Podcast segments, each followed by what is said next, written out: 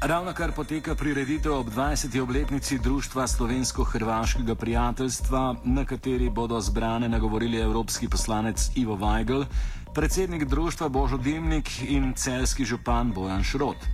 Glede na to, da Hrvaška vstopa v Evropsko unijo, smo poklicali Iva Weigla, ki je poročevalec iz skupine liberalcev v Evropskem parlamentu za Hrvaško. To je tudi eden od razlogov, da je povabljen na obletnico. Tako bo Ivo Weigl strnil hrvaško-slovenske odnose po razpadu Jugoslavije, ki jih, najbolj, ki jih je najbolj zaznamovalo mejno vprašanje in vrčevalci Ljubljanske banke. Torej, Hrvaška stopa v Evropsko unijo v nekem trenutku, ki je pravzaprav eh, precej kritičen, ne? ker obstajajo mnogi v mnogih državah, ki so mnenja, da bi morala Evropska unija se najprej temeljito konsolidirati od znotraj, predno se širi eh, na nove članice, ker seveda se upravičeno predpostavlja, da vsaka nova članica prinaša tudi neke nove probleme, nove, nova finančna vlaganja, ki jih bo morala eh, Evropska unija eh, dati na razpolago državi, zato da se pač da doseže neko raven, da ne bo izstopala. Ne? Tako da, ko pravim, da je tega stališča eh, neugodno. Je pa drugi, druga zadeva, ki pa dela nekako ta vstop dobrodošel, namreč da sporočamo eh, svetu, da Evropska unija, kljub temu, da se bori z notranjimi težavami, nadaljuje svojo načelno eh, politiko eh, širjenja in vključevanja v, v, vseh držav eh, našega kontinenta v ta projekt ki je seveda preko slej eh, projekt stabilnosti, miru in nekega harmoničnega napredka za celo Evropo. Eh, seveda Hrvaška ima nekaj realnih problemov, eh, ki, s katerimi se bo soočila takoj, ko bo postala polnopravna članica Evropske unije.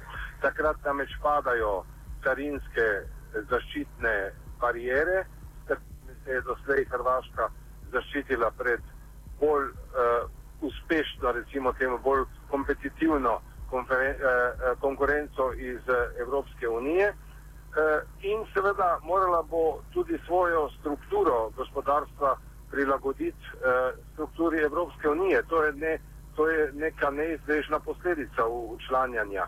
Tako poseben problem bo imela seveda Hrvaška z svojimi ladjedelnicami, ki so prekapacitirane ne, za evropske razmere in seveda tudi eh, težko vzdržijo konkurenco z eh, raznimi azijskimi eh, državami, ki so močne na tem področju. So pa seveda tudi druga vprašanja, o katerih se eh, govori in o katerih se je na veliko govorilo v procesu usklajevanja hrvaške zakonodaje z evropsko zakonodajo.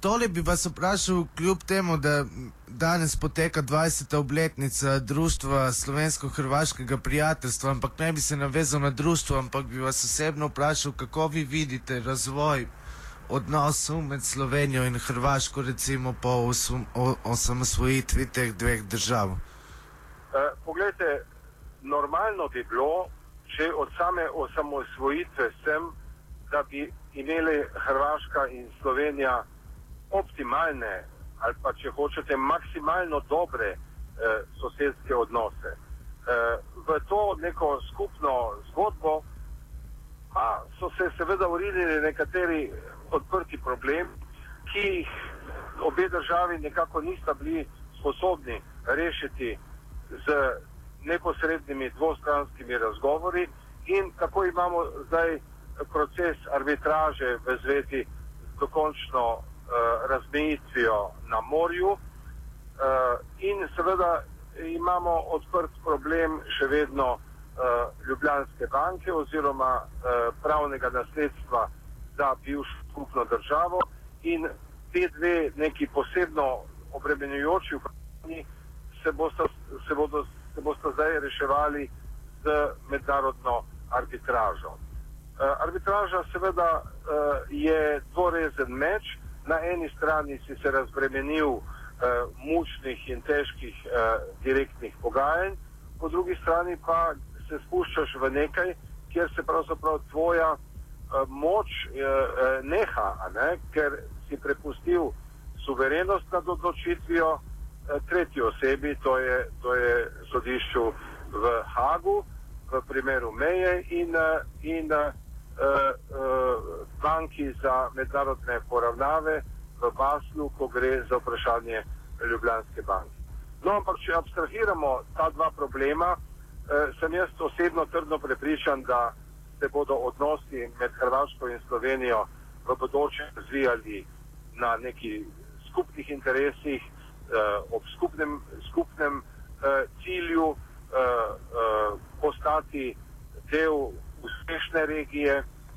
Hrvaška in Slovenija že zdaj izstopata pravzaprav v tej regiji po, svojem, eh, po svojih performansah. Eh, tudi v prihodne je pričakovati, da bosta pravzaprav Hrvaška in Slovenija tisti nek motor pravzaprav te regije, v kateri so države na teh eh, bivše, bivše Jugoslavije, ampak tudi druge države, kot je Albanija in eh, recimo tudi Bolgarija in Romunija, nista prav, prav daleč.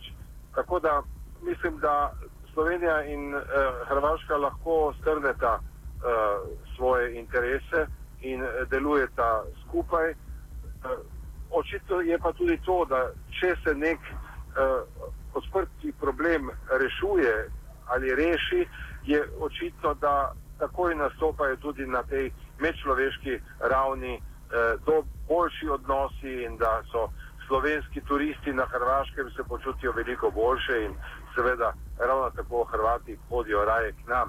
Mislim, da je normalno to, da, da smo na neki način tekmujemo, ampak še bolj normalno pa je to, da smo prijatelji, da imamo dobre odnose.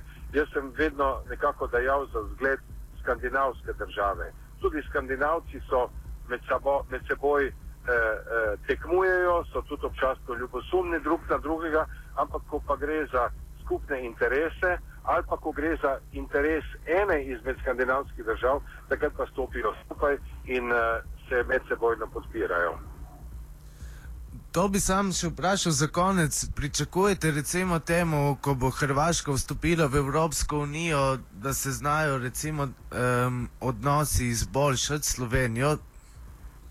No, jaz sem prepričan, da bo marsikaj potem eh, lažje tudi reševati, ker smo potem enakopravni člani eh, skupnosti, ki, v, kateri, v kateri solidarnost pomeni seveda zelo veliko in eh, v kateri se eh, večina problemov rešuje na nekonfliktni način.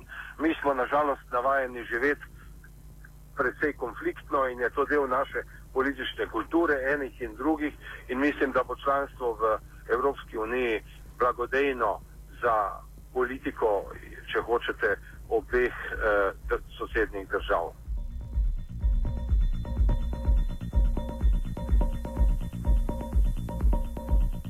Današnji offset je pripravil Urh. Oh. Oh. Oh. Oh.